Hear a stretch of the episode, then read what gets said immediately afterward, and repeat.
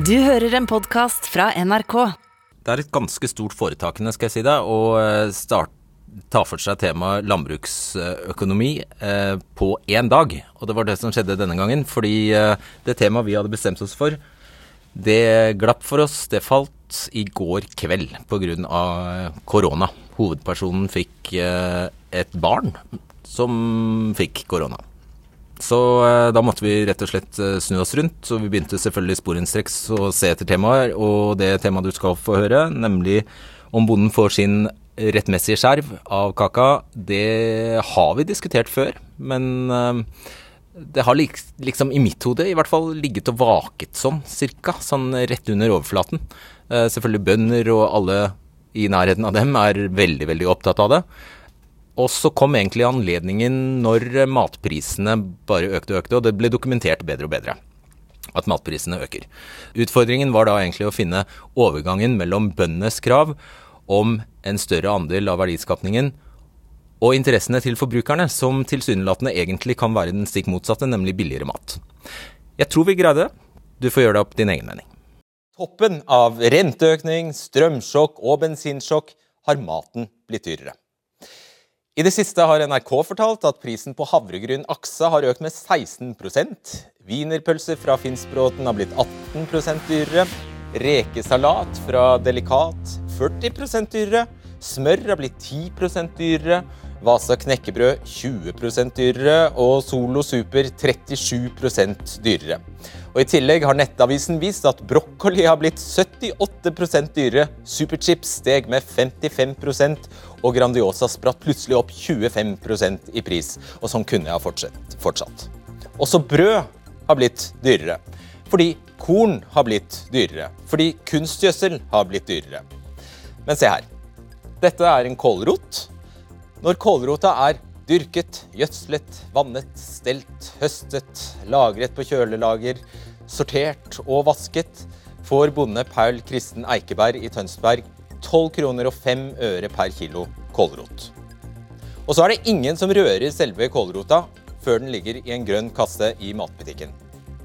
Men på Perl Kristens lokale Kiwi er prisen plutselig doblet til 24,90.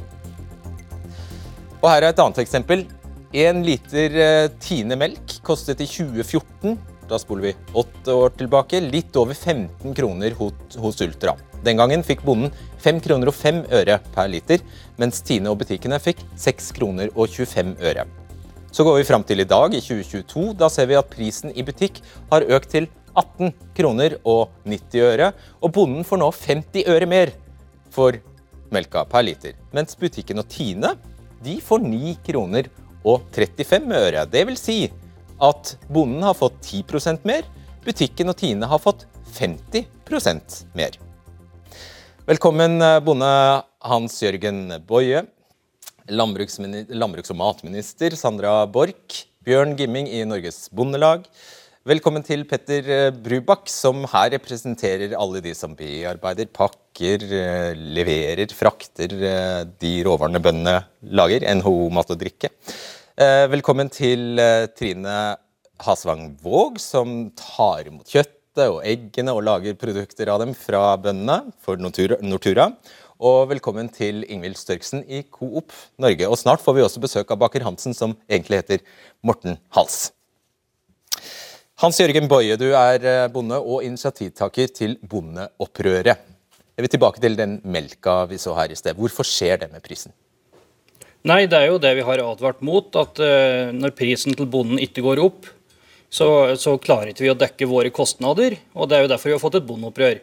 Og Vi har hele veien fått beskjed at det er helt umulig å øke prisen, noe særlig i markedet. Men så ser vi at det er jo nettopp det som har skjedd fra handel og industri. Ja, fordi Melka for oss har jo blitt dyrere, men det er bare ikke dere som får noe særlig Vi har ikke lagt noe merke til det. Nei. Og øh, hva er grunnen? Hvem er det som gir dere beskjed om at det ikke er mulig å øke prisene?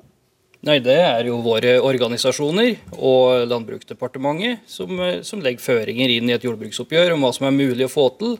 Da er det jo gjerne vært sagt hva er mulig å få til politisk, og der er jo kanskje litt hensyn til forbruker inne. Men det hjelper jo ikke lenger, for nå er vi på et punkt der veldig mange gårdbrukere gir det, det oppgjøret vi kommer til nå, det er den sjansen vi har. Skal vi fortsette, eller skal vi ikke? Ok, Vi tar et nytt eksempel. Her er et brød.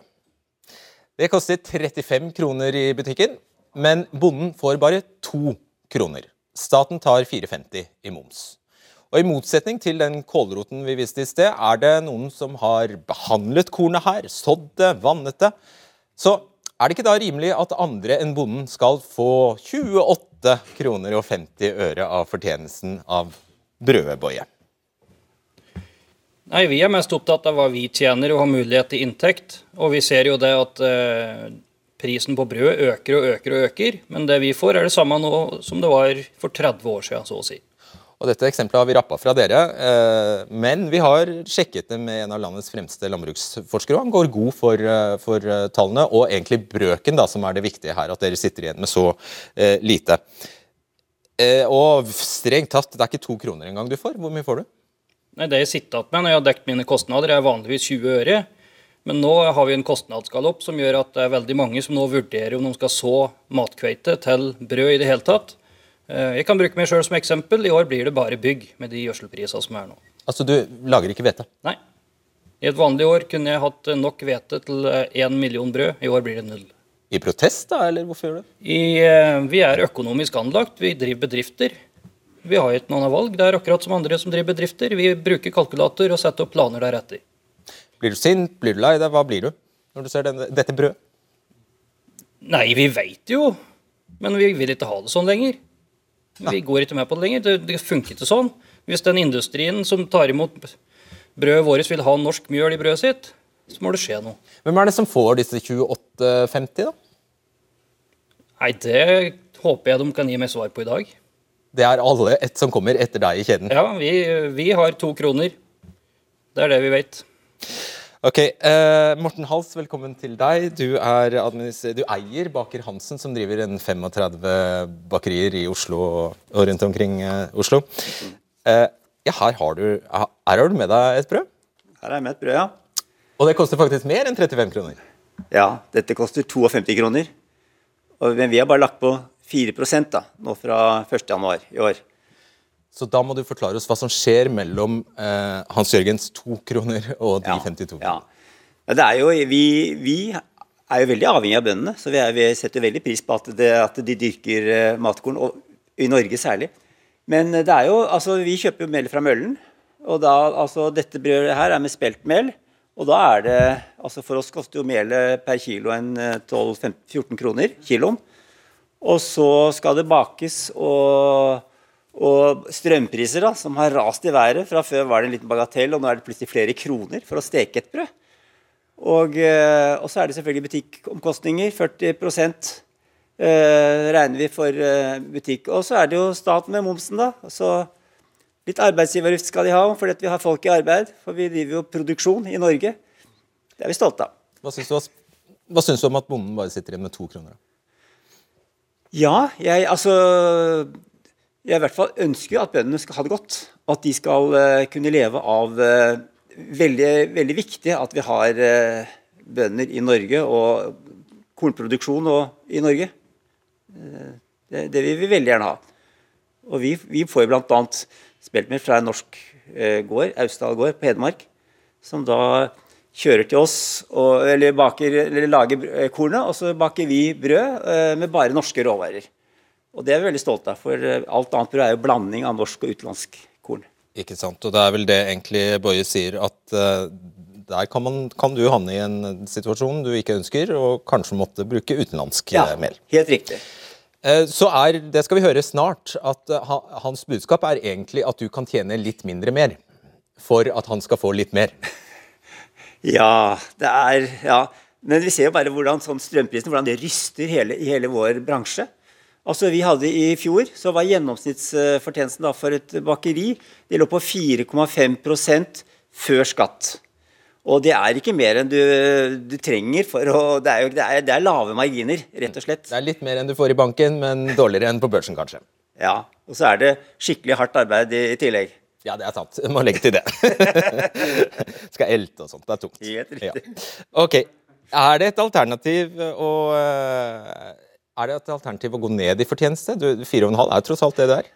Ja, det var altså Året før var det 3,5. Og man ser det som litt dramatisk. Det er, eh, det er lave marginer. Det er ikke langt igjen, og det er mange bedrifter som går med underskudd. Og til mange. slutt, ja, det er mange som går med underskudd, og det blir vel færre bakerier også. Ja, det er nettopp det òg, som er veldig synd. Det er synd. Og til slutt, eh, du vil ikke selge til kjedene, altså dagligvarekjedene, de tre vi har. Hvorfor ikke? Nei, hadde vi skullet levere hadde vi, Da hadde vi rett og slett tror jeg, ikke eksistert i dag. Vi har, eh, vi har en eh, linje hvor vi kjøper råvarene, baker brødene og selger ut til forbrukerne. Og har da kontroll på hele kjeden. Vi mener at da kan vi lage gode kvalitetsbrød og få eh, egentlig en annen, eh, godt betalt. Det er veldig hardt, hardt det, der, det der markedet der, og der blir bon, nei, bakeren han blir veldig liten i den der eh, Du er redd for å bli skvist? Ja, rett og slett. Rett og slett. Ålreit. Ikke gjør det, hvis du ikke kan, da. Lykke til, Morten. Jeg prøver å stå imot. Ja. ja hva, eh, hva sier du til dette? For du skjønner vel hans situasjon? Ja, og, øh, men han er jo en nisjebaker. Og det vi ønsker å ta opp seinere her, det er jo øh, de store volum. Og det er jo det som er den, Det er jo forbrukeren som nå ofte blir satt i, det, i innledningen din nå, at det er forbrukeren vi må tenke på, men de kjøper vel ikke det mesteparten hos Baker Hansen antagelig. De ser vel i litt andre hyller. Det vil jeg tippe de gjør, ja. Eh, vi skal komme tilbake til hva den gjennomsnittlige fortjenesten i kjedene er etter hvert. Men eh, jeg skal bare minne om at hvis du dumpet inn i debatten f.eks. nå, så trenger du ikke å fortvile. Du kan når som helst gå inn i NRK TV og spole deg tilbake. Helt til begynnelsen, faktisk. Hvert år bruker staten nesten 20 milliarder kroner i direkteoverføringer til bøndene.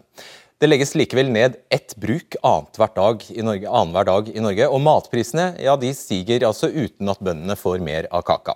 Senterpartiet gikk til valg, og vant valget, på løfter om at bøndenes inntekt skal opp for å ta igjen oss andre i samfunnet. Og de lovte at matproduksjonen og selvforsyningsgraden skal opp. Så hva er prislappen for det, da? Skal vi tro eh, bondeopprøret her? 18 milliarder kroner på toppen av de 20 milliardene vi betaler i dag. Altså, det er vi, forbrukere og skattebetalere, som skal ut med det. Men vil vi det, sånn på toppen av høye strømpriser og bensinpriser, tror du, Bøye?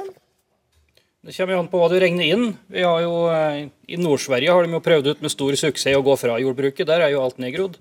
Vi ønsker et eh, aktivt jordbruk. Og dette her eh, vi har tatt opp, det er gjennomsnittsinntekta for norske bønder. Og vi ser jo hva turismen har å bety for landet og landskapet. Så ja, jeg tror norske forbrukere er mer enn villige til å betale det det koster. Men da må vi òg lage et spleiselag der alle sørger for at forbrukeren eh, bruker norsk mat. Så her har dere et eh, konkret eh, forslag, fordi dere, dere innser jo at det er grenser for hvor mye vi ønsker å betale for den samme maten. Eh, Ja, Så da, hva, hva går forslaget egentlig ut på? Nei, Vi har jo da regna på hva som er foreslått i Hurdalsplattformen. Og det har vi da satt inn i hva som er det reelle behovet for at norske bønder skal tjene som andre. Og, og vi mener sjøl vi ikke er spesielt grådige. Vi sier at eksempelet vårt er en gjennomsnittlig norsk lønn. Og det vil da være nok til å dekke en ansatt på Norges laveste tariff, inkludert sosiale avgifter. Det betyr at jeg kan knekke armen uten å tape penger. Og her, nå skal jeg bare forklare. I dag, den grønne feltet her, det er de 30, 30 milliardene som bøndene har i inntekter fra alt dere lager av råvarer. Det vi selger inn til industri. Det dere selger inn til industrien. Og så, de 90 her, altså den blå, det blå feltet, det er det vi kaller mellomledd. Det er altså alt, alt fra de som pakker og transporterer til de som selger eh, varene i butikk. De tar 90 milliarder, og på toppen der skal staten ha 18 milliarder. Ditt forslag er altså å øke bøndenes inntekter til 40, fra 30 til 40. Det er helt nødvendig for at vi skal ha en jamstilt inntekt. Men hva skal skje med prisen ut til forbrukere? Nei, hvis du da ser på den søyla helt til høyre, det er at du ikke gjør noen ting. At du lar den, de prinsippene som ligger i dag, og alle de handelsmekanismer som er der, bare få flyte fritt. At alt bare, at alt bare øker? Alt, bare suser og går sånn som det gjør i dag. Da, Da blir det veldig dyrt. da blir det dyrt for den norske forbruker. Og det interessante her, det er at så lenge vi da tar to tredjedeler av våre økte inntekter fra markedet, sånn som Borch har forespeila en rekke ganger, og det ikke Når du gjøres tar det fra markedet, så må jeg bare oversette det til vanlige folk. Det betyr i motsetning til å ta det over statsbudsjettet som en bevilgning til, eller jordbruksoppgjøret da egentlig som en, som en sta, eh, subsidie. At, vi betal, at det er vi forbrukere som betaler for det. Riktig. Og hvis vi da holder på den modellen, så vil matmomsen som norske forbrukere betaler inn, det vil da finansiere hele jordbruksavtalen, uansett hvor stor den rammen måtte bli. Så i korthet, ditt forslag går ut på at alle de andre her som i dag eh, tjener 90 milliarder på deres råvarer, de skal holde igjen, ikke øke sine marginer, mens bøndene får økte marginer, og så tar man eh, momsen og putter det inn i jordbruksoppgjøret. Og vips, så har man finansiert det. Ja, eller det er i hvert fall en måte som forbrukeren kan være med på. Vi skal ikke stikke under en stol at dagligvare og den norske industrien på våre råvarer er tufta på nettopp det, våre råvarer. Ikke sant. Sandra, Sandra Borch, landbruks- og matminister fra Senterpartiet. Du har lovet så mye, du. Du har lovet inntektsutjevning for bonden, det vil Si at skal, de skal opp på nesten 600 000 i årslønn. Du har lovet økt, økt selvforsyningsgrad, det betyr at vi skal lage veldig mye mer av maten vår selv. Du har lovt at det skal skje på norsk jo, gress. Du har, du har lovt økt matproduksjon. Uh, har du regnet på hvor mye det vil koste? Min eh, viktigste jobb som landbruks- og matminister er å sikre norsk matproduksjon, og ikke minst også øke matproduksjonen på norske ressurser. Akkurat som jeg sa. Den, ja, og den jobben er jo vi allerede i gang med. Må huske på at Bare etter noen få dager i regjering så leverte vi 754 millioner i tilleggsforhandlinger, det jordbruket sjøl krevde. Ja. I tillegg til det så har vi levert en strømpakke nå på 500 millioner og 200 millioner i investeringsstøtte. Så du velger å ikke svare på det aller jo, første spørsmålet? Jo, men poenget mitt, poenget mitt er jo at vi har en internasjonal energikrise som har vært svært krevende for norske matprodusenter. Det har vi nå levert på. Og så er jo dette Hva koster det å levere på valgløftene dine? Var spørsmålet. Ja, det, Den jobben har jo vi starta nå, og vi har satt ned eh, et utvalg som nå ser på på inntekter og inntektsmulighetene til norske bønder. Så du gikk til valg skal... på løfter du ikke ante hva ville koste? Jo, det er jo nettopp det vi nå skal finne ut. Og vi skal tette inntektsgapet ja, mellom ja, Vi skal tette inntektsgapet mellom bønder og andre grupper, nettopp fordi at norsk matproduksjon ja, er viktig for denne regjeringa. Nei, Det er jo det vi nå har satt i gang en jobb på å finne ut av. Men at vi skal tette inntektsgapet nettopp for å sikre norsk matproduksjon, det er jo det som er min jobb nummer én nå framover, og som regjeringa har tenkt å levere på. Det er jo nettopp dette her bondeopprøret er tufta på. Det er lek med tall og visvas om hva det egentlig dreier seg om. Og når du sier at du har støtta oss i strøm og du har støtta oss i gjødsel altså Kostnadssprekken i forhold til det som var vedtatt i fjorårets jordbruksoppgjør, det som skulle være et inntektsoppgjør, det er fire ganger den summen som er kostnadssprekken. Og så har staten dekka én av dem. Så vi sitter igjen med tre. Det er den reelle situasjonen før vi går inn i jordbruksforhandlingen nå. Og jeg har full forståelse for at uh, den norske bonden har følt på en stor økonomisk utrygghet de siste årene. Vi har tenkt å snu kursen i norsk landbrukspolitikk. Nettopp derfor kommer det organiserte landbruket til å bli utrolig viktig nå framover i de viktige jordbruksforhandlingene vi bare skal inn i om bare få uker. Det kommer til å bli virkelig både en prøvelse for meg som landbruks- og matminister, for regjeringa, også for organisasjonene. Men jeg vil òg si at det organiserte jordbruket og de forhandlingene vi skal inn i, kommer til å bli utrolig viktig, også med tanke på at Når du norsk... sier organiserte jordbruket, det er egentlig et hint til at du ikke anerkjenner han? Fordi det, du snakker da egentlig om de to faglagene, altså Norges ja, Bondelag og Småbrukarlaget? Jeg anerkjenner alle norske bønder, men de jeg forhandler med det er eh, Norges Bondelag og Norsk Bonde- og Småbrukarlag. Og det er utrolig viktig, fordi vi har ikke diskutert landbrukspolitikk eh, på to år mellom staten og organisasjonene. Så det å komme seg til forhandlingsbordet nå har aldri vært viktigere. For å snakke med det organiserte landbruket, da, Bjørn Gimming, du er leder i Bondelaget. Bare ta dette. Er det rimelig at butikken skal tjene mer på brød enn bonden? Andelen som bonden får av matvareprisene må endres. Vi må ha en større del av den prisen som eh, forbrukeren betaler i butikk. Så svaret er? Svaret er at vi, skal, vi må øke inntektene, også ja. i markedet. og Det handler om både eh, nivået på matprisene, men det handler Ikke også om, er det, er det rimelig at butikken skal tjene mer enn bonden på ett brød? Nei, altså det må vi jo se på. Det varierer fra produkt til produkt hva som er rimelig andel. Men vi, nei, på brød, ja. Ja, det vet vi ingenting om. Vi aner ikke hva butikken tjener på det brødet. For det er ikke noe åpenhet om prisen, hvordan prisen i butikk blir satt sammen. Så jeg skulle gjerne visst det. Og jeg skulle gjerne visst hvordan hele prisdannelsen på dette brødet eller på kjøttdeigen eller hva det måtte være, er. Sånn at vi faktisk kunne ha en større åpenhet om det. Jeg kunne vite hvor mye havner egentlig hos, eh, hos butikken, hvor mye handler, havner hos bonden. Hos bonden vet vi. Dårlig utgangspunkt for forhandlinger at du ikke aner, syns du ikke det? Altså, det er, ikke, det er ikke en rettferdig fordeling i verdikjeden for mat i dag.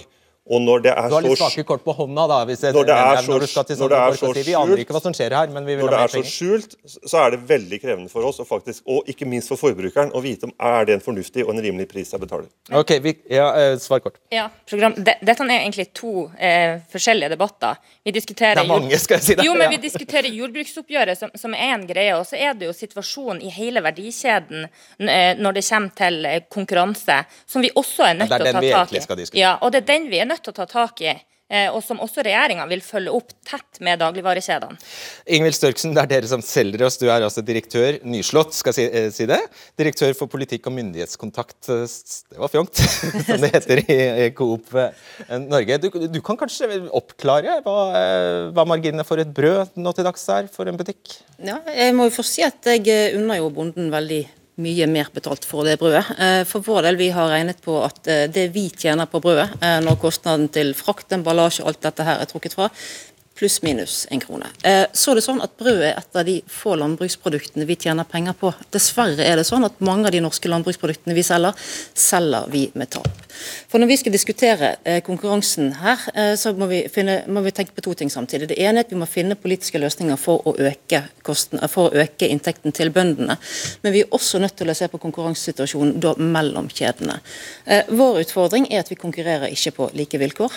Vi har en stor konkurrent som får opp mot 15 bedre innkjøpsbetingelser enn oss.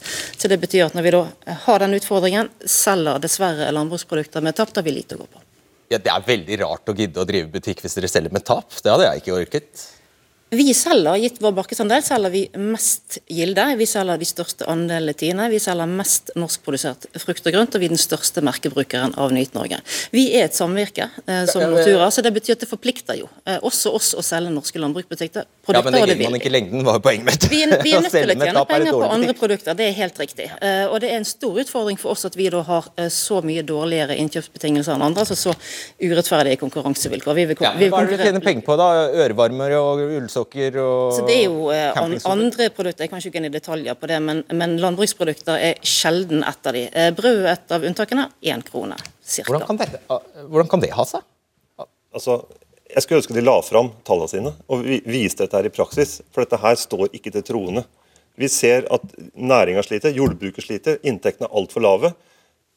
Og vi, og vi ser kjempestore overskudd i dag, dagligvarebransjen. Her er det noe som ikke stemmer. og Dette her burde vært en mye større åpenhet om, så vi faktisk kunne følge krona fra forbrukeren og nedover verdikjeden til meg som bonde. Vi har ikke store overskudd. Eh, Vi har de siste fra 2016 til 20... 2,8 milliarder i fjor. Vi har hatt marginer på ca.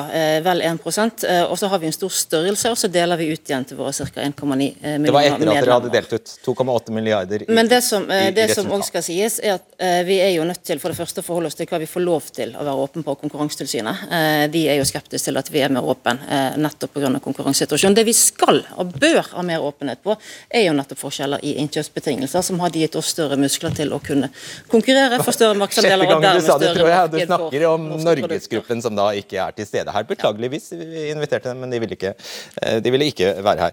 Eh, Petter Brubakk, du er altså leder for NHO Mat og Drikke, og som jeg sa, i denne sammenhengen så er du altså invitert hit for å representere alle de som ligger i mellomleddet, altså som pakker og transporterer, men som ikke er butikkene.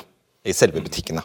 Ok, eh, Det kan være Orkla, det kan være Fjordland, Ringnes, kjente eh, merkevarer kan det være. Mills f.eks. Syns du bonden får nok betalt for varene sine?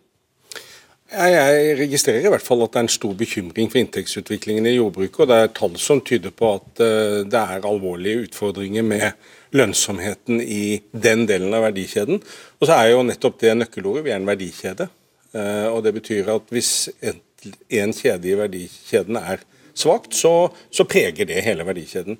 Samtidig så har jeg lyst til å si at Det er litt synd da at det er opprinnelsen som eh, får smekken. Altså at det er bonden som lager selve råvarene som får smekken. Ja, nå er jo, er jo dette en verdikjede som er under et eh, ganske stort press fra mange hold. En ting er internasjonal konkurranse, som jo vi er opptatt av. Det ene er importkonkurranse, det andre er grensehandel. Eh, men så er det jo også slik at dagligvaregrupperingene presser leverandørindustrien. Og høye kostnader til råvarer, innsatsfaktorer, logistikk, energi. Alt det treffer jo alle bedriftene, sånn som Morten Hals også fortalte om. Bare, noen av de tjener mye penger, eh, noen tjener ikke fullt så mye penger, noen taper penger. Bare tilbake til det aller første spørsmålet mitt, nemlig om du syns at bonden får for dårlig, dårlig betalt? Altså jeg ser jo at lønnsutviklingen eller inntektsutviklingen i jordbruket er grunnlaget for bekymring. Og vår bekymring ligger jo at norsk matindustri bygger for en stor del på norske råvarer. Det er konkurransefortrinnet. Motsatt så er jo norske bonden avhengig av at vi har en matindustri som er konkurransedyktig, slik at disse varene blir solgt. Det, der sitter vi i et skjebnefellesskap, og, og det er om å gjøre å finne et balansepunkt som gjør at hele verdikjeden er robust og sterk. Og så syns jeg det er litt sånn å undervurdere industrien og kalle det et mellomledd. Dette er kompliserte, store, kapitalintensive bedrifter som trenger overskudd for å investere og være konkurransedyktig. Så det er nok litt mer enn et mellomledd. Jeg mente ikke å være uærlig, altså, det var bare for enkelhets skyld. Ja, ja, ja. Eh, industrien kunne vi jo kalt det. Ja. Vil du svare på det? Ja, nei, Det er jo veldig bra at du eh, innser den situasjonen, og at det ikke er tufta på norsk råvare. Det er jo helt klart. Så er det jo veldig interessant når vi da prater om, eh, om inntjening i dagligvarekjeden. For det vi ser jo, uansett hvilket land du ser på i Europa, så er andelen som dere bruker og setter pris i matbutikken, den er veldig tilsvarende lønnsnivået. Og det er umulig tilfeldig. Og det er da i Europa, der du har en lignende jordbrukspolitikk, lignende slakteristruktur. Hvorfor er det sånn at i noen land kan du ha en lavere pris, og i andre land høyere pris? For den, hvis du sammenligner med lønnsnivået, så er det varen koster i butikken omtrent helt lik som kjøpekraften. Ja, du tror dem ikke når de sier at de prøver å gjøre Norge billigere hele tiden? Det er bare bløff. Det er kjøpekraften som bestemmer hva det koster. Det er nok også i betydelig grad konkurransen mellom kjedene og ulikheter i innkjøpsvilkår, som jeg har sagt før. Eh. Syvende gangen, kanskje. Ja. Det er greit. ok. Eh, eh, Trine Hasvang Våg, du er altså eh, styreleder i Nortura, som er samvirket til bøndene. Eh, en av Norges største matprodusenter er eh, dere. Hvem er det som har ansvaret for at matvareprisene skyter i været nå? Altså, det er jo kostnadssituasjonen på internasjonal basis. Vi må ikke glemme det. Mange av de produktene du viste som eksempel i stad, er faktisk ikke norske råvarer engang. Så, så det jo ligger der. Den norske bonden har faktisk venta, og no, altså en del av matkjedene har jo heller ikke fått sin del av dette her. Eh, på kjøtt- og eggsida som jeg representerer, så har det vært en prisoppgang både 1.1 og det kommer en nå 28.2. Sånn at der er det gjort en forbedring. Men så syns jeg at debatten mangler et aspekt her, og det er jo det at eh, Eh, over tid nå, eh, mange tiår, så har vi hatt én politikk i Norge, og det har vært billig mat til forbruker. Det har en pris. Den prisen er det Boje egentlig nevner nå. Nå står vi i fare for å miste en del matproduksjon, nettopp fordi at bonden ser ikke at dette er regningssvarende. Men folk så, der ute føler jo ikke at vi har veldig billig mat i Norge. Nei, det skjønner jeg jo at man ikke gjør, men hvis du ser på hvor mye du bruker i forhold til andelen din av inntekt, eh, så har det gått ned. og det, det viser jo statistikken ganske tydelig, så det er ikke så mye å diskutere. At forbruker kjenner på at her er det mange kostnader som øker samtidig, det har jeg stor forståelse for. Men så er jo spørsmålet skal bonden bære den kostnaden. Det har faktisk ikke bonden ryggrad til å gjøre. Mm. Uh, så det du beskrev nå, altså at vi betaler for lite for uh, maten her i Norge, at det er egentlig det strukturelle problemet vi snakker om. Det kan kan det henge sammen med at Nortura eh, sier opp og gir sparken til 147 kjøttskjærere i Steinkjer og på Forus? Kan det henge sammen med at dere legger ned et helt slakteri på Otta? Mm. Legger ned 78 in, eh, arbeidsplasser der? Vi gjør det vi kan vi for å ta ned det mellomleddet som du peker på. Ødelegger egentlig det som var opprinnelsen, mm. nemlig at maten skulle bli til ca. der den ble eh, sådd og fødd. Maten produseres ute på gårdene i hele Norge. Eh, vi er nødt til å se på kostnadene i hele vår verdikjede, sånn at bonden får, en større, det, altså? sånn at bonden får en større del av den kaka. Ja, men det Du er med på det du beskrev som et problem? Uh, nei, jeg er vel egentlig ikke det. Vi er, lever i en knallhard konkurranse. Det er vi nødt til å forholde oss til. Det hjelper ikke om vi er bondens bedrift. Vi har akkurat de samme konkurransevilkårene. Eh, Sandra Borch, det forslaget her, uh, 18 milliarder, det er helt konkret. 18 milliarder kroner vil det koste å innfri ditt eget valgløfte, nemlig å gi bonden eh, eh, gjennomsnittslønn.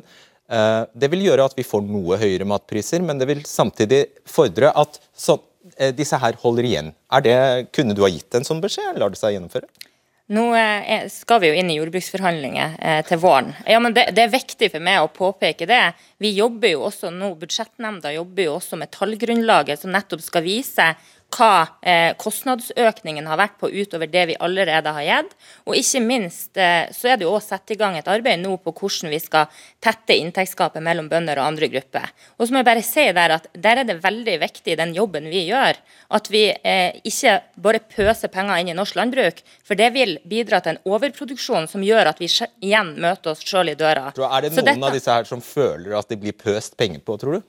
Nei, og det har det ikke vært gjort uh, de siste åtte årene. Den, som, den nye regjeringa nå har jo levert 1,5 milliarder ekstra til norsk landbruk. Men jeg vil påpeke at uh, det vi skal gjøre nå, min viktigste jobb, det er å tette inntektsgapet mellom bønder og andre grupper. Holde valgløftet ditt. Ja, ja, men det er ingen quick fix. For vi, vi kan ikke ende der vi endte på 1970-tallet, at vi fikk en enorm overproduksjon. For da møter vi oss sjøl i døra igjen. Så vi er nødt til å gjøre dette Fordi da blir det import og så videre, ja, er det det du tenker? Ja, og, og, så er vi nødt til å gjøre dette grundig nå, sånn at vi har en landbrukspolitikk som kan stå seg over tid, som bidrar til økonomisk trygghet, og som bidrar til mer norsk matproduksjon. Svar kort og ikke gjenta det du har sagt nå på følgende spørsmål. Mener du at det norske folk bør betale mer for maten for å få opp bøndenes inntekt? Ja eller nei, egentlig?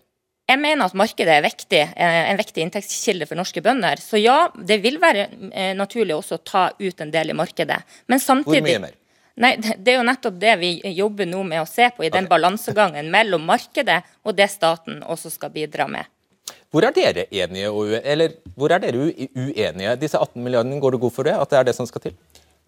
De tallene må, må, det regnes mer på, og det er det satt ned et offentlig utvalg på, som statsråden også sier, som skal gi oss et, et uh, faglig grunnlag for å si hva den inntektsavstanden er. Det som er viktig nå, er at vi står foran et avgjørende viktig jordbruksoppgjør for å snu den negative utviklinga som er i næringa, og for å skape ny framtidstro. Og Da må prisen på mat i butikken reflekterer produksjonskostnaden. Og produksjonskostnaden har gått kraftig opp hos oss bønder. Eh, så, så, og så er det denne fordelinga eh, internt i, i verdikjeden. Altså, og ikke minst hva som er faktisk prissettinga i butikk. Vi har altfor lite åpenhet rundt hva som er prisen. Og en større andel av, av, av pris i butikk bør tilfalle oss som bønder. Eh, og Det betyr også at forbrukeren ikke må ta hele prisveksten som skal til for å skape lønnsomhet i landbruket? Eh, eh, noen har sikkert fått med seg at det er faktisk noe såpass dramatisk som kunstgjødselmangel i verden. Det kommer av både gass, de skyhøye gassprisene, men eh, fordi disse kraftverk, eller fabrikkene som lager kunstgjødsel, går på gass, men også av mangel på eh, urea som er et gjødselstoff. India har sopt markedet for urea. Så det som skjer i praksis, er at norske bønder ikke de, lurer, de har egentlig ikke råd til kunstgjødsel, sånn som prisene er. Så de, de, lurer på om de skal så eller ikke så. Eh, det rare er at eh, veldig mange produkter her har økt i pris nettopp med begrunnelse eh, i kunstgjødselprisøkningen, men den har ikke vistes hos noen, hos noen norske bønder ennå. Hvordan kan det ha seg? Mange av prisøkningene dreier seg mye mer enn de eh, innsatsfaktorene du nevnte der. Altså Siden ja, høsten 2020 har det jo vært en voldsom prisvekst på veldig mye. Når økonomien kom tilbake litt kjappere etter den første bølgen av pandemien. Det dreier seg om mange innsatsfaktorer, emballasje, andre råvarer, norske eh, landbruksprodukter logistikkostnadene, altså det å frakte eh, produkter rundt omkring i verden, har jo mangedoblet seg. Så det er mange kostnadsfaktorer som har gått opp under pandemien, eller kanskje særlig de siste årene, som påvirker mange av de prisøkningene vi har sett her. Og prisøkningene i Norge har ikke vært noe spesielt høyere enn i andre europeiske land. For dette er ikke bare et særnorsk fenomen. Det vi, og det vi er opptatt av, er å unngå en særnorsk prisvekst som gjør at de 65 000 handleturene dere snakket om på lørdag til Nordby og Sverige, at det blir flere av dem fordi vi ikke blir konkurransedyktige. Så, så dette er en balansegang. Og bondens inntekt er jo en funksjon av to ting. Prisen på det du selger, og hvor mye du selger.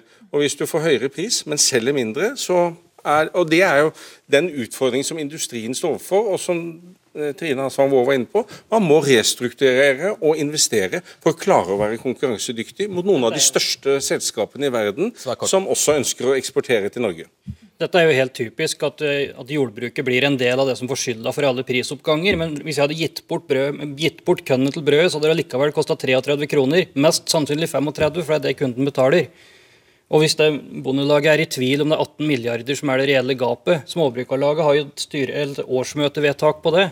Så eneste grunnen til at Bondelaget kan komme lavere enn det, det er at de ser bort fra at det skal være en kapitalavkastning på det vi driver med. Og det har de jobba for å få inn i tolv år. Så det er minst 18 milliarder. Og derav er du en opprører imot, ikke sant? egentlig opprør til bl.a. ditt eget bondelag. Vi ønsker at vi skal bruke skikkelige tall. Ja. Eh, hva er deres løsning? På, skal man, hva er løsningen?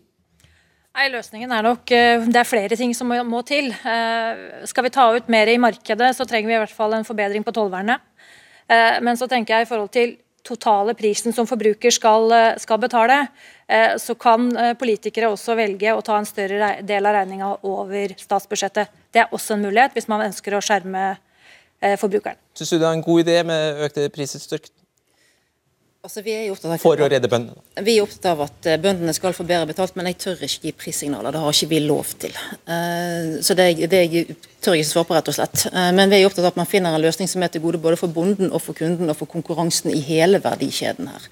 Og den finnes politisk. Nettopp.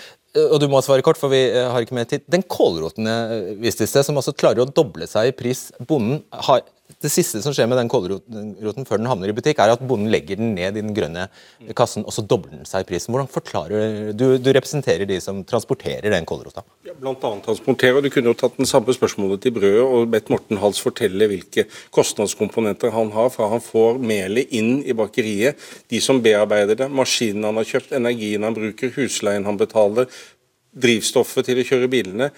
Det er jo det foredlingsindustrien består i. Den type kostnader. De har gått ganske mye været. og det er vår del av jobben å prøve å holde de kostnadene nede så mye som mulig.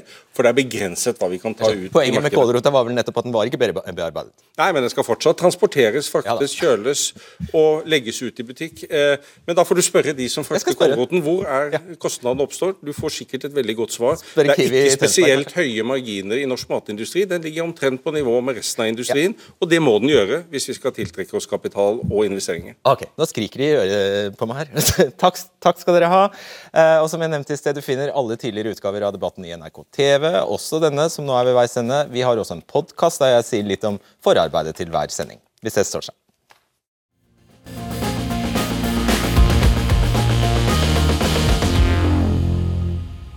Ja, jeg skal rette en stor takk til Coop som faktisk kom. Vi var gjennom en lang liste med eh, både kjeder og leverandører som vi spurte om ville komme, men som takket nei. Og det var ganske forutsigbart. Det er sånn rundt dette temaet de gangene vi har prøvd tidligere, så takker de nei én etter én. Jeg må si at jeg syns det er uttrykk for en helt unødvendig paranoia. Eh, også veldig synd at de eh, ikke stiller til åpen debatt. Eh, det er egentlig et veldig dårlig eksempel. Så min oppfordring er klar. Jeg tror de har alt å vinne på å stille, og mye mer i lengden som bransje og som eh, merkevarer. Og det blir veldig synlig når de kun stiller opp til arrangerte intervjuer og eh, svarer på eh, forhåndsavtalte spørsmål. Publikum skjønner jo det i lengden. Så eh, møt til eh, debatt. Ikke vær redd. Det går bra. Du kan bruke, bare minner om det, du kan bruke e-posten debatten krøllalfa nrk.no hvis du har eh, forslag til temaer. De mottar vi med stor takk. Og så høres vi rett og slett. Ha det bra. Du har hørt en podkast fra NRK. De nyeste episodene hører du først i appen NRK Radio.